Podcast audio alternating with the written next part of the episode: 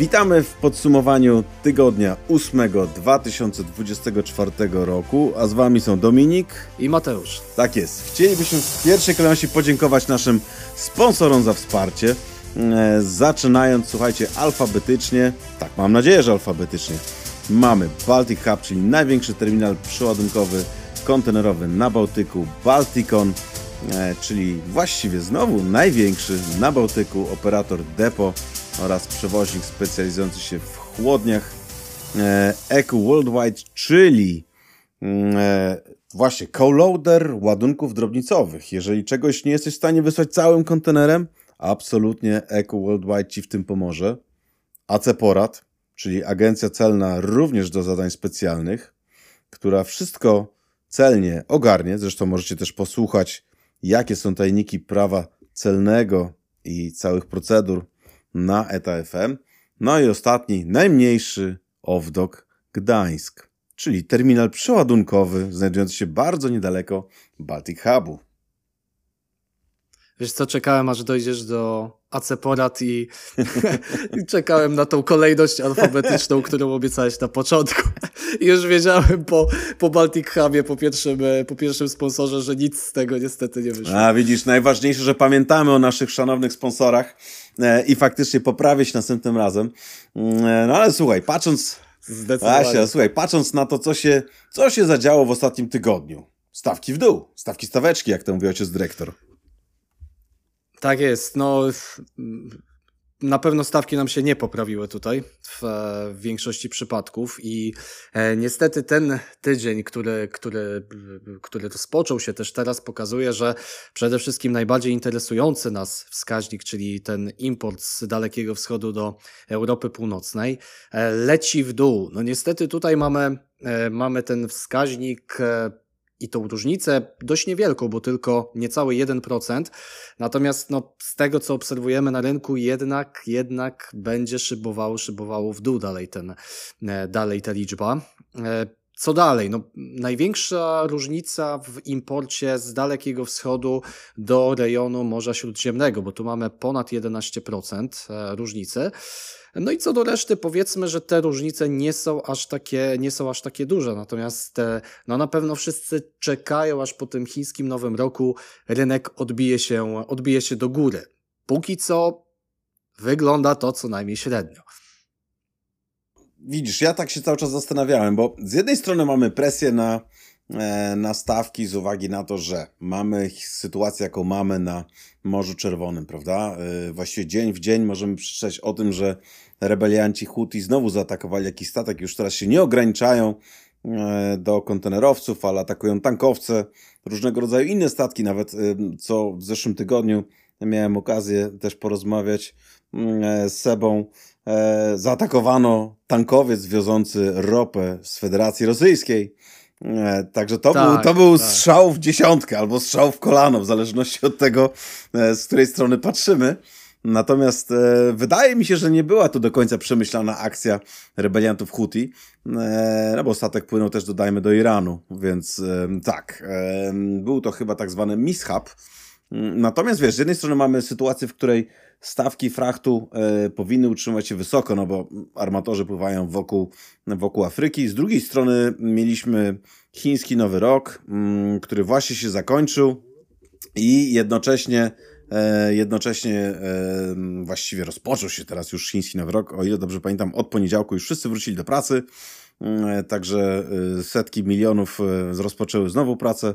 Mm, I tak, byłoby fajnie, aczkolwiek wiesz, Chińczycy zawsze wybierają urlop w tym czasie i e, no potem te powroty, czekanie na gotowość towaru, aż w końcu będzie można te kontenery znowu, znowu podstawiać, no to zawsze się trochę, e, trochę mocno ślimaczy, tak? Więc e, niby ten chiński nowy rok i niby te, to świętowanie trwa tydzień, ale jak przejdziemy sobie gdzieś tam na tą linię czasu i zobaczymy, ile wcześniej zaczyna się ta produkcja wygaszać, potem jak powoli pracownicy pracownicy wracają e, z powrotem do pracy, no to można powiedzieć, że z tego tygodnia robi nam się miesiąc, a nawet i więcej, tak? Więc e, no czekamy, czekamy aż to ruszy znowu, znowu z tak zwanego pełnego kopyta. Oczywiście bez strzału w kolano, więc mamy nadzieję, że tutaj jak najszybciej to, jak najszybciej to wróci, e, to wróci do nowa. Tak jest. E, wiesz, tak sobie pomyślałem, mówimy o strzale w kolano, właściwie w takim wypadku to powinien być strzał w klapkę, ale, ale dobrze, już nie ciągnijmy tego wątku, bo na pewno rebelianci Huti w tej chwili się, że tak powiem, przysłuchują ETA FM i wyciągają wnioski. Zdecydowanie, słuchaj, to ktoś tam na, ktoś tam na piaskowej wielkiej górze siedzi i tą antenę próbuje nastawiać, więc wiesz. No tak, słuchaj. Y, wiesz co, ale jednak, jednak ja sobie przypominam ten podcast z Sebastianem, chyba rozmawialiśmy jeszcze, jeszcze w poprzednim roku Mm, I tak naprawdę zastanawialiśmy się nad tym, że Houthi oznajmiają, że będą tylko i wyłącznie atakować konkretne targety, tak? Czyli sobie stargetowali gdzieś tam te statki, które pływają do Izraela. Ale wiesz co? Tak Zacząłem się nad tym zastanawiać, bo jednak tych, tych przejść przez kanał Suezki jest sporo, statków również na Morzu Czerwonym jest sporo i zastanawiałem się, na ile powiedzmy oni są w stanie dokonać tej selekcji, tak? No a tu się okazuje, że to jest po prostu gdzieś tam mm, e, powodowanie jakiegoś zamętu, sianie strachu, no i i powodowanie tutaj takich, e, takich przeszkód, jeśli chodzi o, o, uprawianie tej żeglugi normalnym trybem w normalnym szlaku. Tak jest. Wydaje mi się, że wiesz, e, tutaj nie ma za bardzo przemyślanego planu tego, jakie jednostki atakować, bo mm, patrząc z perspektywy, jakie zostały już zaatakowane, a tych dziesiąt, właśnie mówimy już o dziesiątkach jednostek, to tak, albo należą do armatorów europejskich, albo do e, azjatyckich, nie mających wiele wspólnego z Izraelem, ale generalnie moim zdaniem świat jest tak powiązany e, i zależności jest tak wiele, że de facto nie można wykluczyć, że na każdym kontenerowcu nie płynie na przykład jakiś kontener, e, który akurat został zamówiony przez klienta z Izraela, tudzież kraju wspierającego Izrael, tudzież kraju, który, że tak powiem, wspiera Stany Zjednoczone i Wielką Brytanię w atakach na infrastrukturę Houthi. E, więc wydaje mi się, że teraz to jest po prostu strzelanie na oślep i tak jak mówisz, spowodowanie chaosu na tyle dużego, żeby zmusić, można powiedzieć, te kraje, które próbują zaprowadzić porządek do e, siąścia i do dyskusji, do rokowań i do wsparcia sprawy e, Palestyny mm, tak, żeby te ataki, powiedzmy, czy inaczej, interwencja Izraela zakończyła się lub też zastopowała chociaż, no bo to jest właściwie ostatecznym celem E, rebeliantów e, Houthi na tyle, na ile mówią, że to jest ich cel.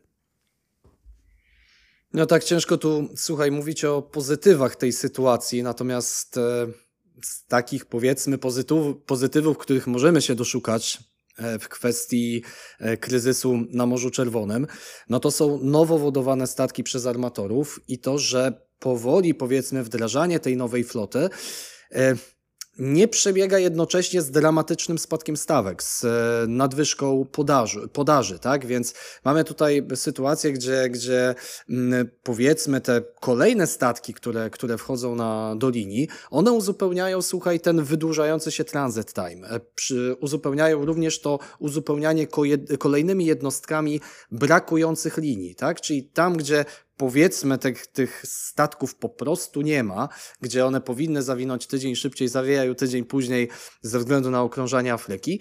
E, gdzieś tutaj odnajdujemy balans. No i teraz słuchaj, niepokojące dla mnie niepokojące, myślę, że też dla całej branży jest to, że jeżeli te ataki Houthi się zastopują, czyli będziemy mieli pozytywny wydźwięk w końcu te, te, tego całego kryzysu, no to co z naszymi stawkami, staweczkami się, się stanie? No bo jeżeli armatorzy nie zareagują odpowiednio szybko, nie zutylizują statków bądź nie przeznaczą na inne potrzebne trady, no to niektóre niektóre z tych, e, niektóre z tych trade'ów, gdzie, te, gdzie tych statków będzie po prostu za dużo, no mogą znacznie, znacznie ucierpieć. No tak i tutaj dochodzimy właściwie do tych rozważań, które prowadziliśmy przez prawie cały zeszły rok na antenie ETA FM, bo tak jak mówisz, e, order book armatorów w większości jest wypełniony po pandemii, armatorzy rzucili się na zakupy, wiesz, zabukowali moce produkcyjne stoczni, E, głównie na Dalekim Wschodzie. E, schodzą teraz akurat te statki.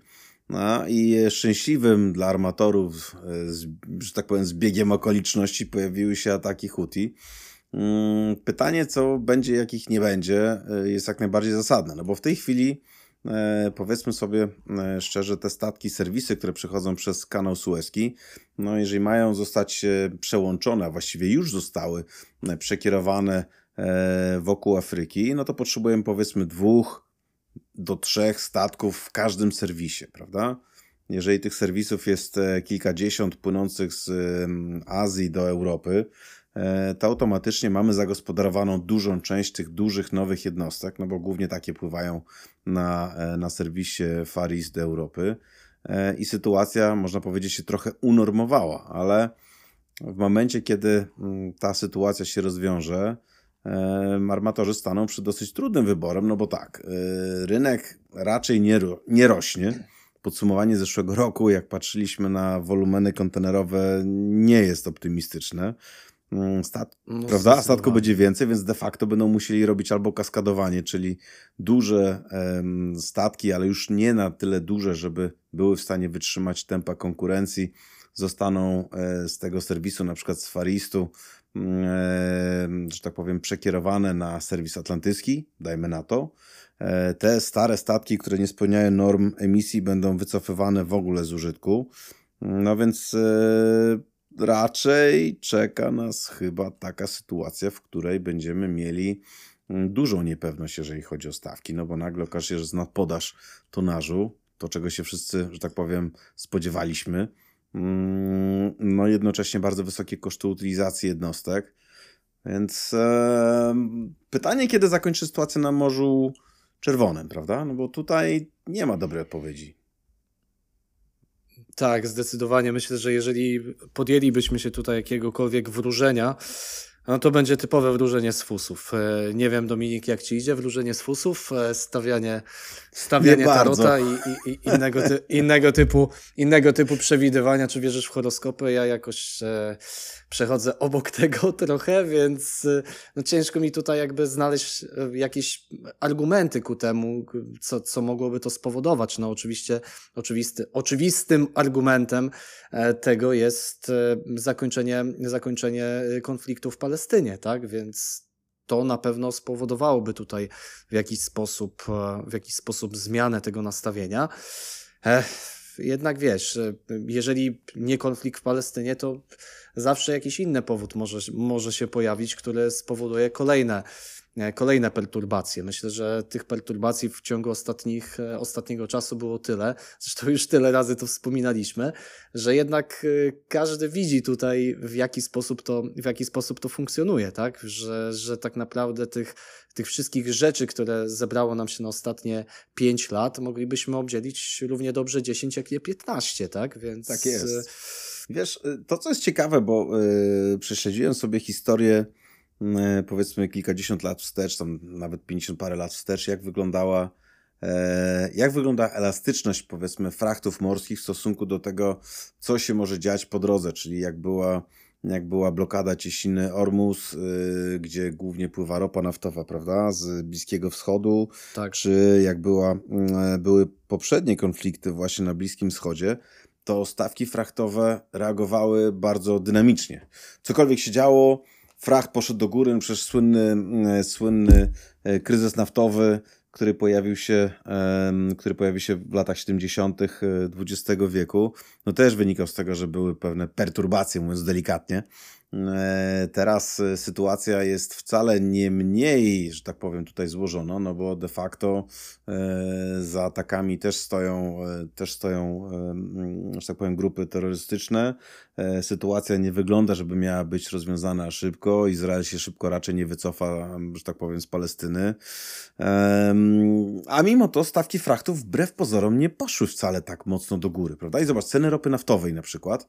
Mm, jak sobie patrzyłem na, na właśnie na cenę ropy naftowej, bo to był taki kiedyś wyznacznik e, sytuacji na świecie, to właściwie się cały czas utrzymuje podobnie, no bo jak patrzymy na, na ropę Brent, to ona jest powiedzmy 83 z dostawą na kwiecień, dolary 83,20 dokładnie, maj 82,49, 81, czyli to nie są już te ceny mm, ropy naftowej, do której się przyzwyczailiśmy kiedyś, prawda? To było sto kilkadziesiąt e, dolarów za baryłkę ropy. Tak. I to właściwie nie wzrosło. No, frachty morskie w tej chwili, nie wiem, czy to przez chiński nowy rok, ale też przyhamowały, prawda? To, co przed chwilą powiedziałeś i de facto nie widać, żeby był szaleńczy pęd do tego, żeby osiągnęły poziomy takie, jakie pamiętamy z pandemii.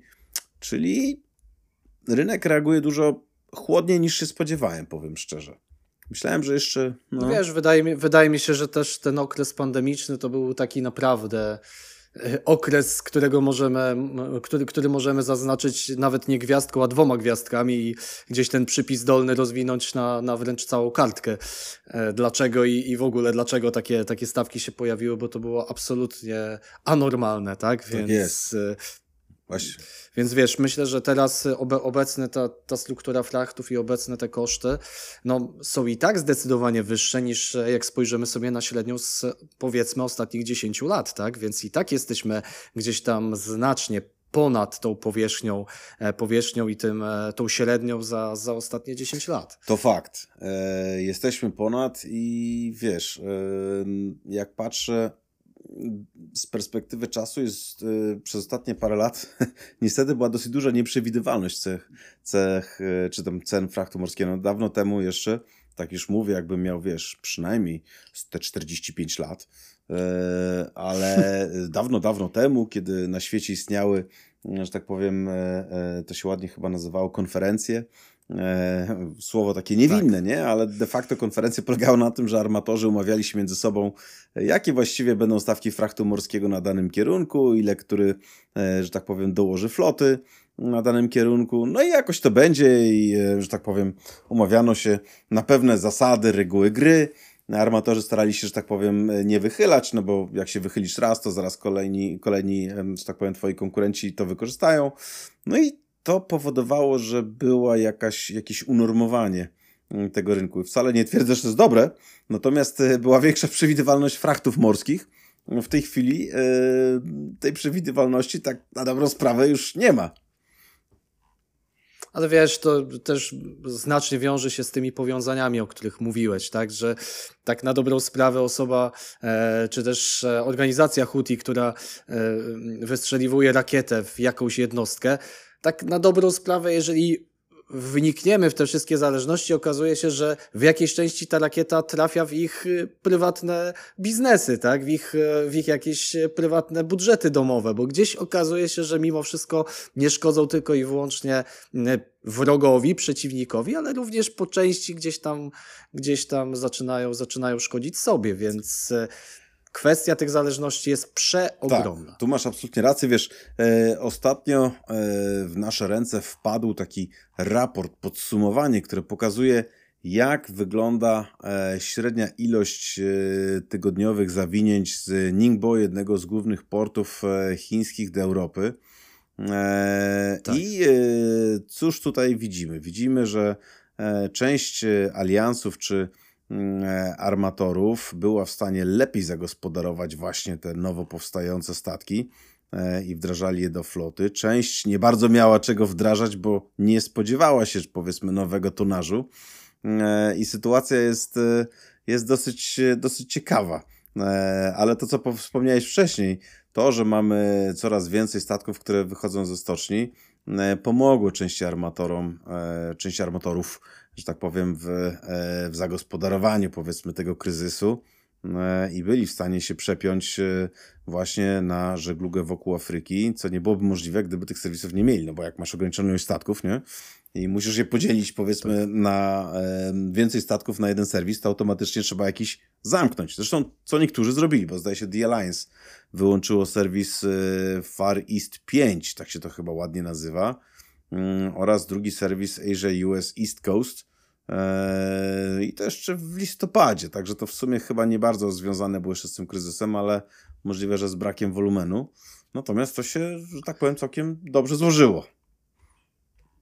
Tak, ale zobacz, że y, kontrast y, tych trzech dużych aliansów, które nadal jeszcze funkcjonują, czyli mamy 2M, mamy Ocean Alliance i mamy The Alliance, no to ten środkowy, czyli Ocean Alliance, wypada zdecydowanie najgorzej, jeśli chodzi o ilość zawinięć e, na tydzień. No, szczególnie tutaj zmagają się w bardzo, bardzo dużym, e, dużym stopniu z połączeniem z Morzem Śródziemnym, bo mają tutaj tylko cztery lupy.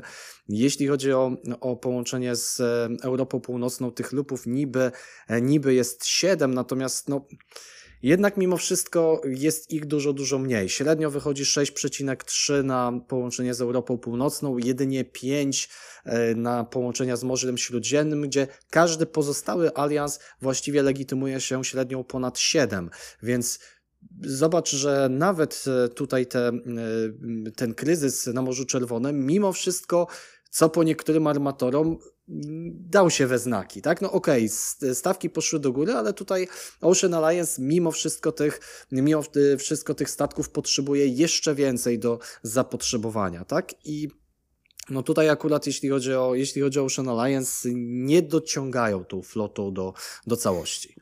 Tak, yy, faktycznie, faktycznie tak jak sobie przejrzeliśmy tutaj te sailingi, tak to, tak to wygląda. E, swoją drogą jestem ciekawy, wiesz, jak długo się utrzymają alianse, no bo teraz y, właściwie po rozpadzie, no już niedługim, 2M, e, Ocean będzie zdecydowanie największym aliansem. Oczywiście, o ile e, ta sytuacja nie ulegnie zmianie, bo pewnie będziemy mówili o tym, że w przeciągu tego roku możemy się założyć y, o piwo albo i o więcej. Oczywiście nie namawiamy do picia alkoholu na antenie TFM. Natomiast jeżeli chodzi o, o takie zakłady, mogę się założyć, że jeszcze w tym roku słyszymy o tym, że zmieniają się alianse i będzie to wyglądać zupełnie inaczej i też pewnie będą dysponować inną flotą. No ale jesteśmy tu, gdzie jesteśmy i absolutnie wydaje się, że Ocean e, miał troszkę mniej tych jednostek, które mógł zagospodarować i stąd też zmniejszyła się ilość e, taka faktyczna, ilość serwisów, nie? Z Dalekiego Wschodu do, do Europy.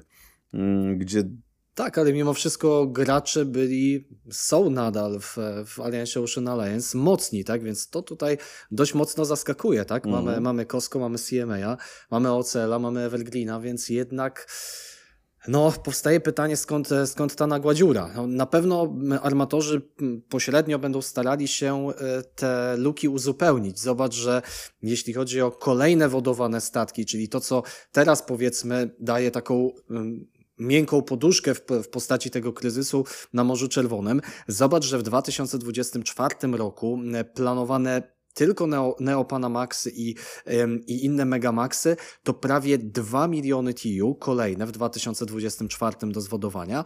Natomiast w 2025 na podstawie oczywiście tylko i wyłącznie obecnego portfela zamówień niecałe 1,5 miliona kolejne. No więc... Yy, Dominik, na, na pewno mhm. ceny żyletek mogą, mogą pójść w dół niedługo, mhm. no bo będziemy mieli tego, tego zdecydowanie za dużo, za dużo na rynku. No a może modne przez ostatnie lata posiadanie kilkudniowych zarostów u, u mężczyzn no, przestanie być modne, tak? No bo jednak, jednak gdzieś te kompanie y, i firmy zajmujące się, zajmujące się, zajmujące się tym tematem zaczną intensywnie to promować. Masz rację, może, może zmieni się i moda męska.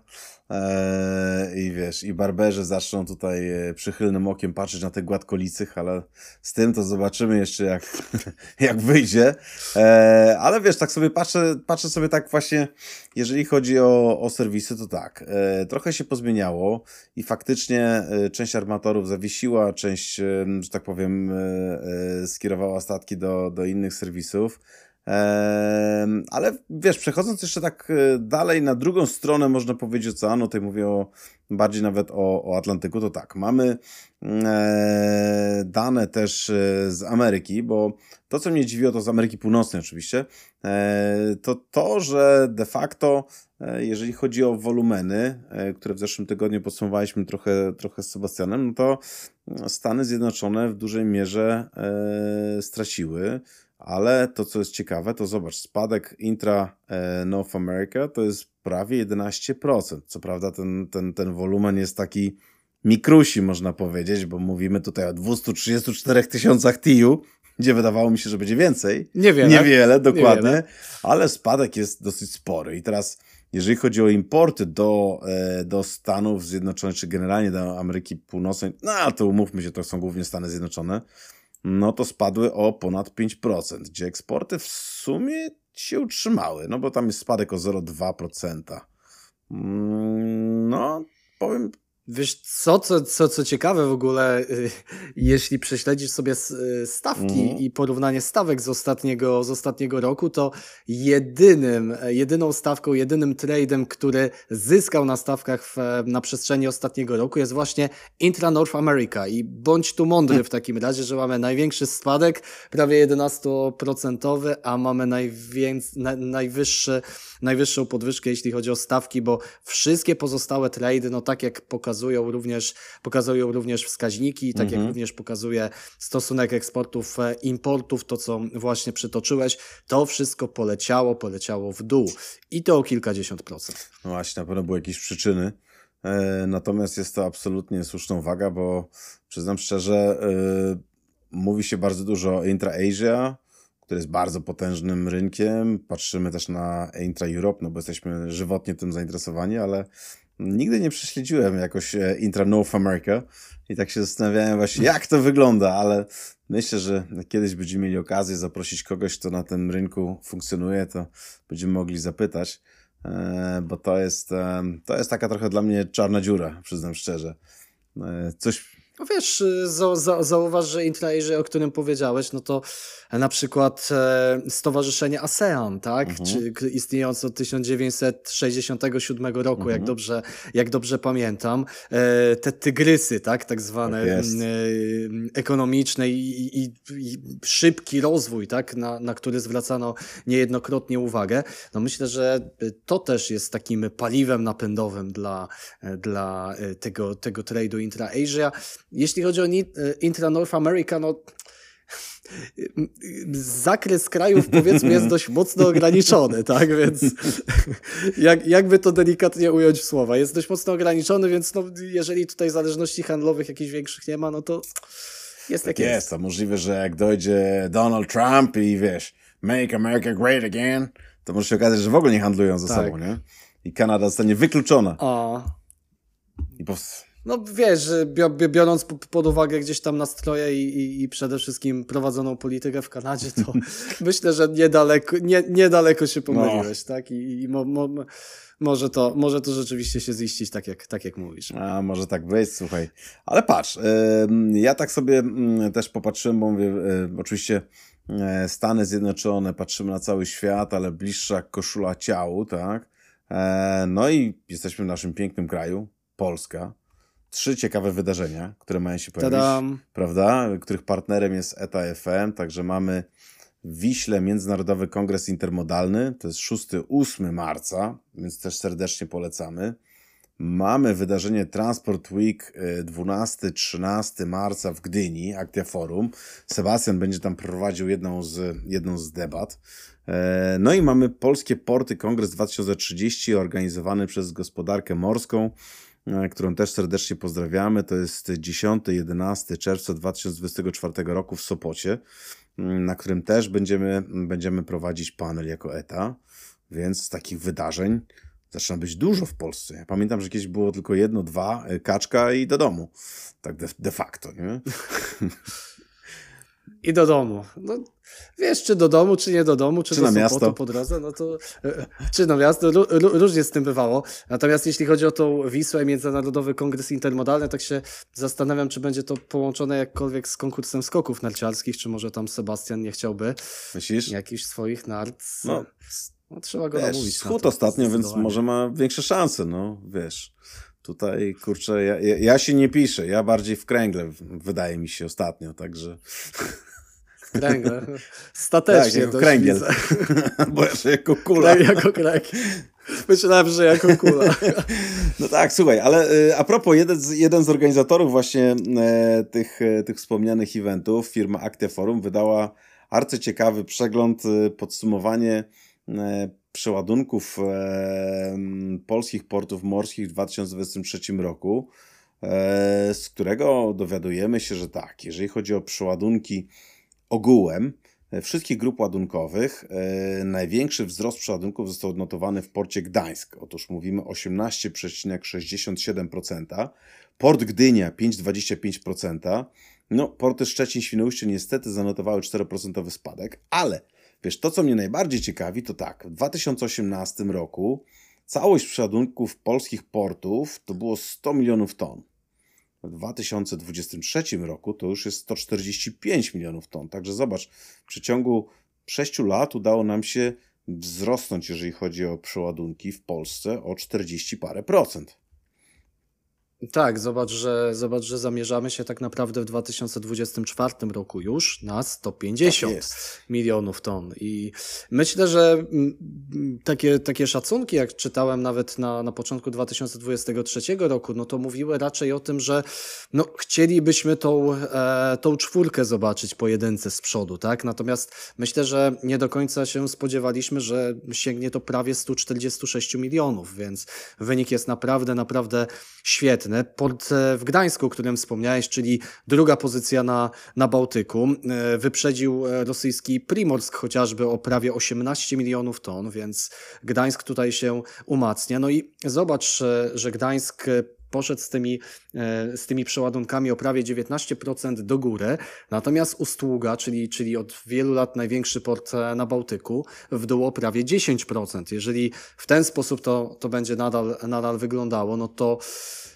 przy dobrych wiatrach może przyszły rok, a może i następny Gdańsk będzie tym portem największym.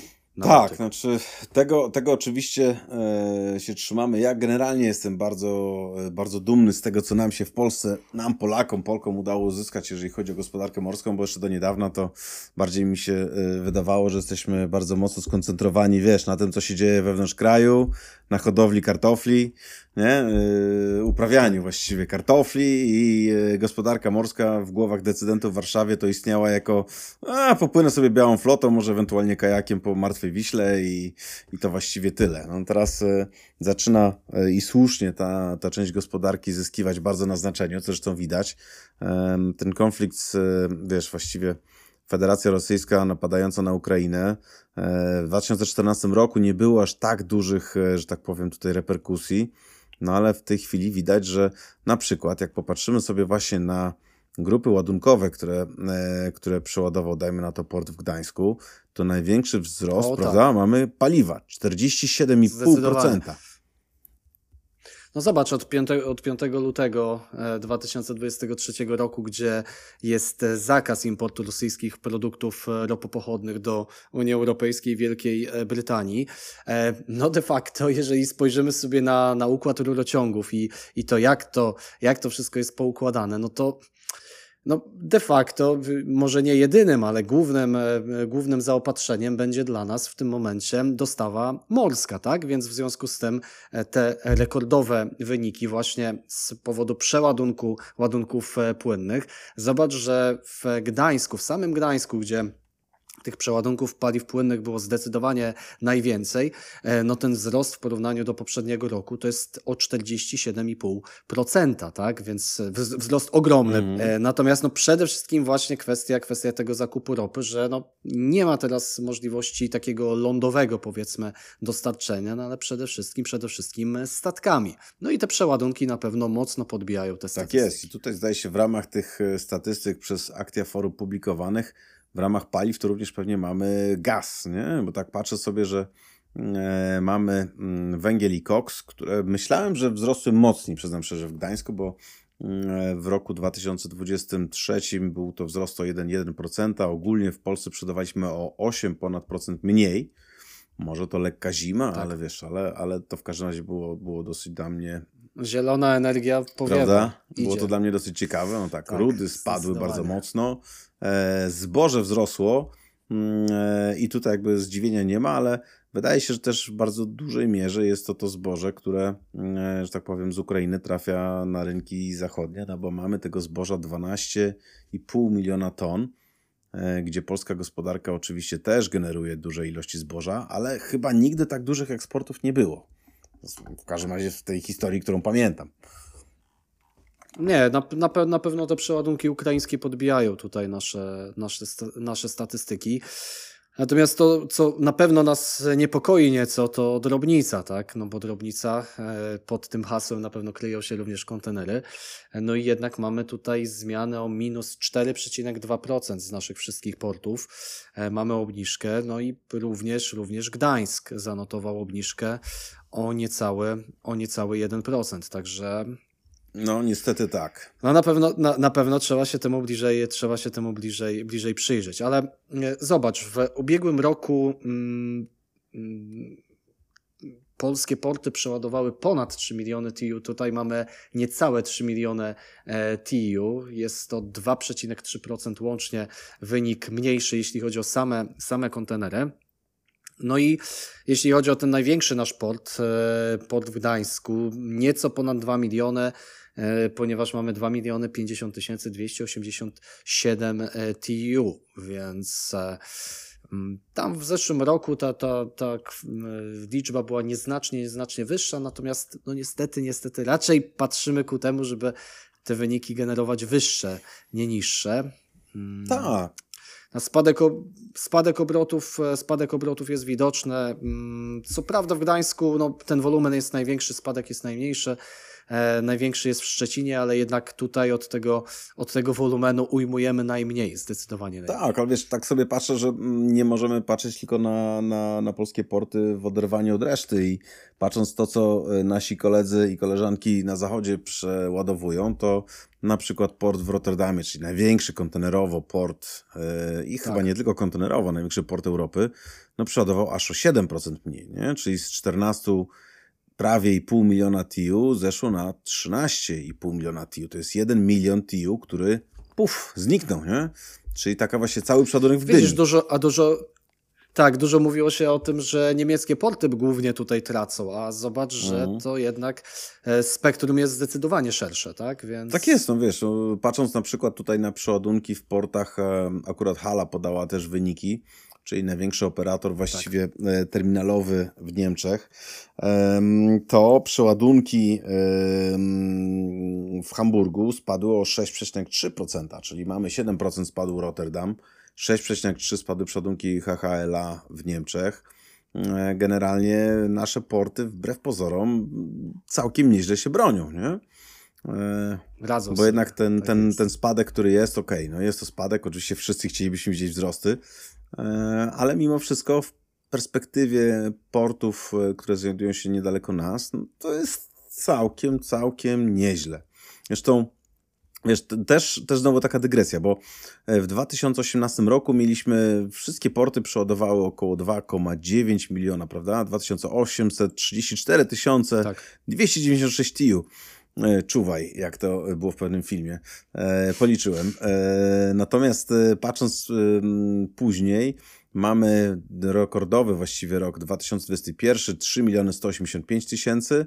No i niestety już później troszeczkę spadków. Ale to, co warto zaznaczyć, to wiesz też to, że to, że porty przeładowały tego, tych kontenerów mniej, zmieniła się też bardzo struktura, bo de facto transshipment, który kiedyś był tą, wiesz, tą e, dźwignią e, w porcie w Gdańsku, szczególnie Baltic Hub, no bo przychodziły duże statki, e, wyładowywały dużą część ładunku dla, że tak powiem tutaj dla odbiorców w Polsce, ale też i za granicą, ale lądowo, że tak powiem, dowożone, czy, czy intermodalnie, czy, czy samochodowo do odbiorców. I również dla Rosji. Prawda? Pamiętaj. Dokładnie. A teraz nagle yy, i duża część tego ładunku, który przychodzi do, do portu, była dalej przeładowana na fidery i właśnie płynęła do Rosji, do Federacji Rosyjskiej, do portów na Bałtyku.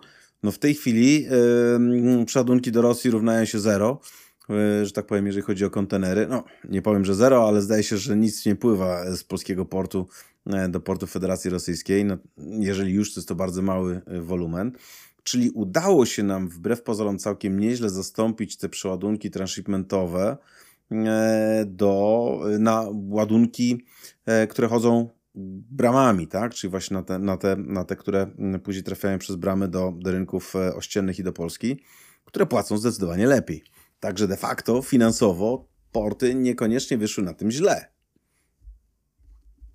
Tak, na pewno. Wiesz co, też y, cały czas w głowie mi brzmi ostatni podcast i to Dementi w sprawie y, odwołanych zawinięć oceanicznych do portu w Gdańsku, że już nic do nas nie będzie pływać oprócz, oprócz jakichś małych y, stateczków dowożących kontenery z Niemiec, bo oczywiście tak, tak nagłówki niektóre, niektóre brzmiały w ostatnich, w ostatnich tygodniach. E, no ale wiesz, to, co tu dużo mówić, nagłówek przyczynia się jakby do tego, że często, okay, przeczytamy nagłówek, a znowu, znowu coś kurczę nasza, nasza władza zrobiła źle, tak? I, I przewijamy dalej, tak? I dla osób, które nie są powiedzmy wtajemniczone, to często przeczytanie artykułu to, to, to czasami zbyt, zbyt wiele, bądź sam nagłówek jest im dla nich wystarczający, więc czasami trzeba to, trzeba to rozwinąć, ale do czego dążę? Wiesz, y, zastąpienie tych ładunków, bo, bo no, nie jesteśmy w tak tragicznej sytuacji, jak te artykuły przedstawiały, natomiast y, no, pora gdzieś tam zastanowić się również nad tym, jak w 2025 roku zastąpić również mhm. te transshipmenty, bo te transshipmenty znowu od tego aliansu, przynajmniej od aliansu 2M, e, który, który rozpada się tutaj i będzie to, ta współpraca merska z Hapagiem, no gdzieś te transshipmenty znowu uciekną, więc to będzie kolejne wyzwanie na pewno dla portów, jak tę niszę tutaj zagospodarować. Absolutna racja, wiesz, i e, tak jak patrzę sobie tak, na takie najbardziej widoczne,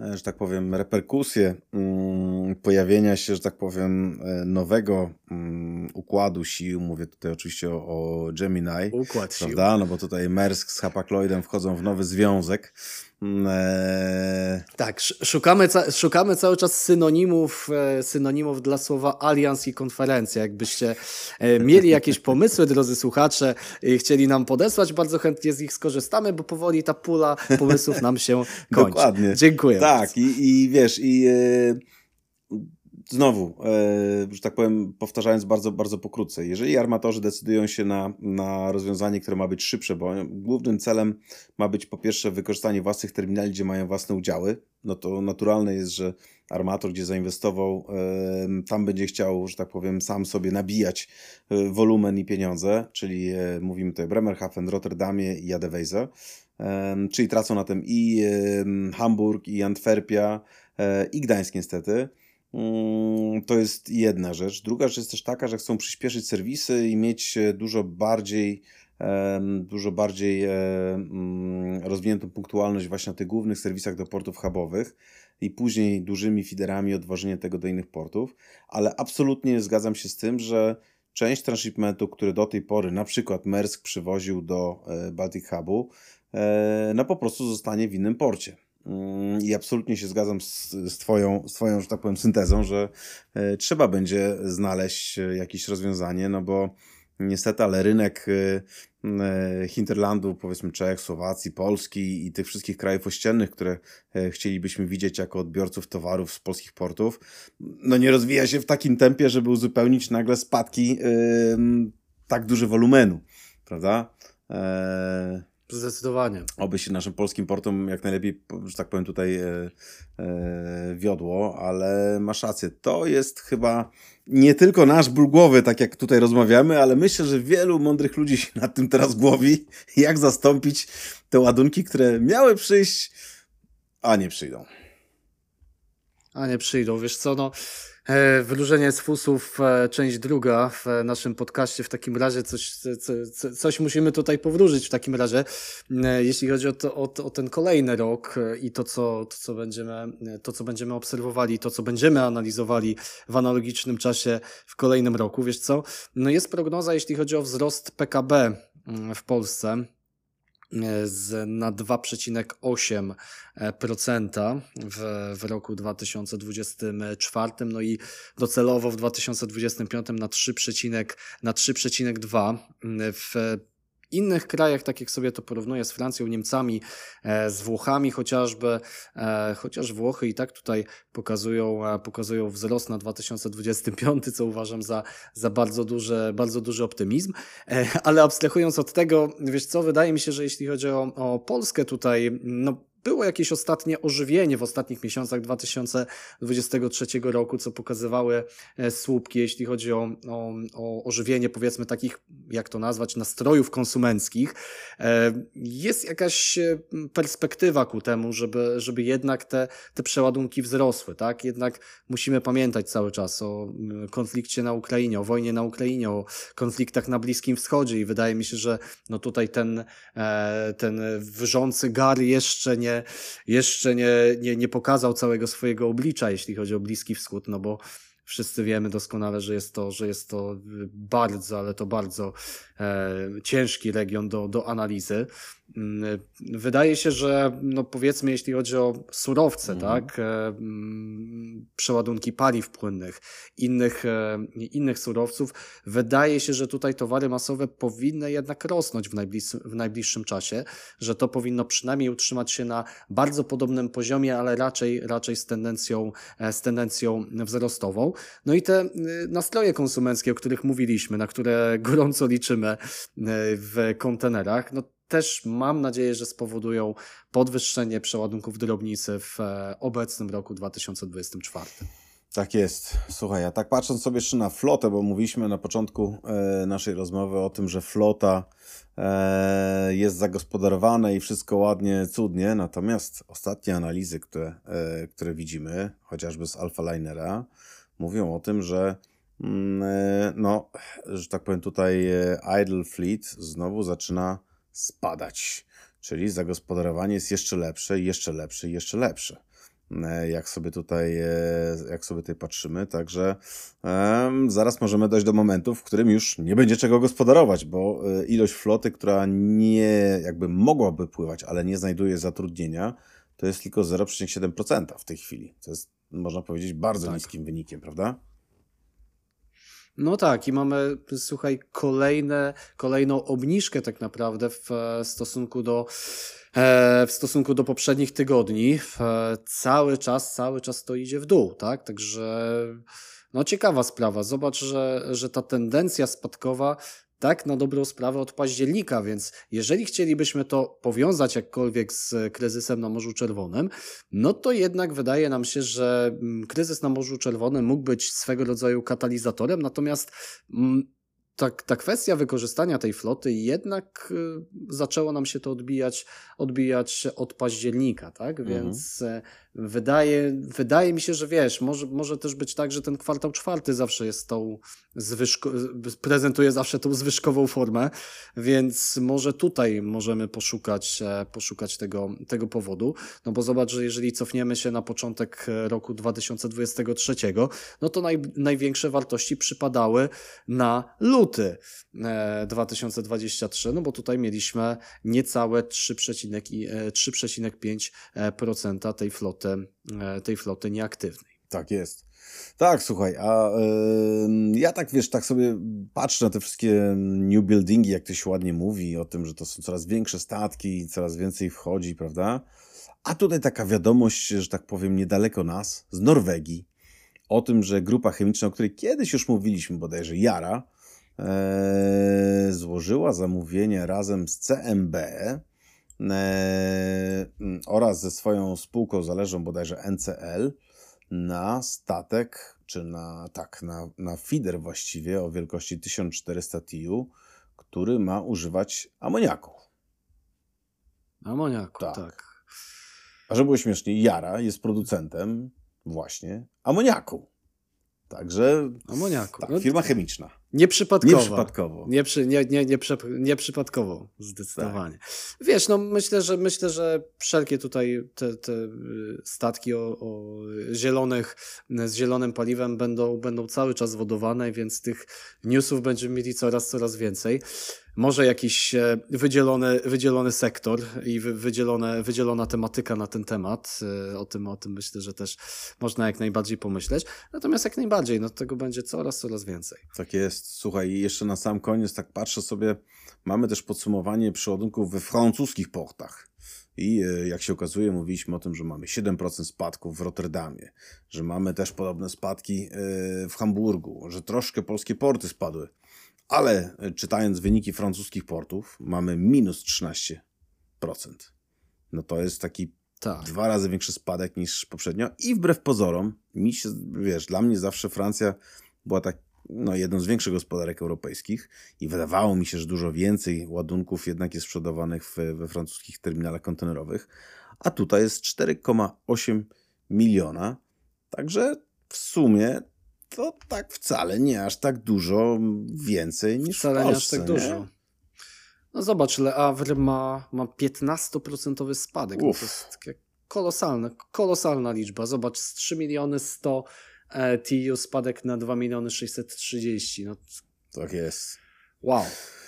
Ja myślę, że, ja myślę, że w takim razie y, z tymi, to znaczy to nie są pozytywne informacje, natomiast zestawiając je ze spadkami w, w polskich portach są, są to zdecydowanie pozytywne informacje.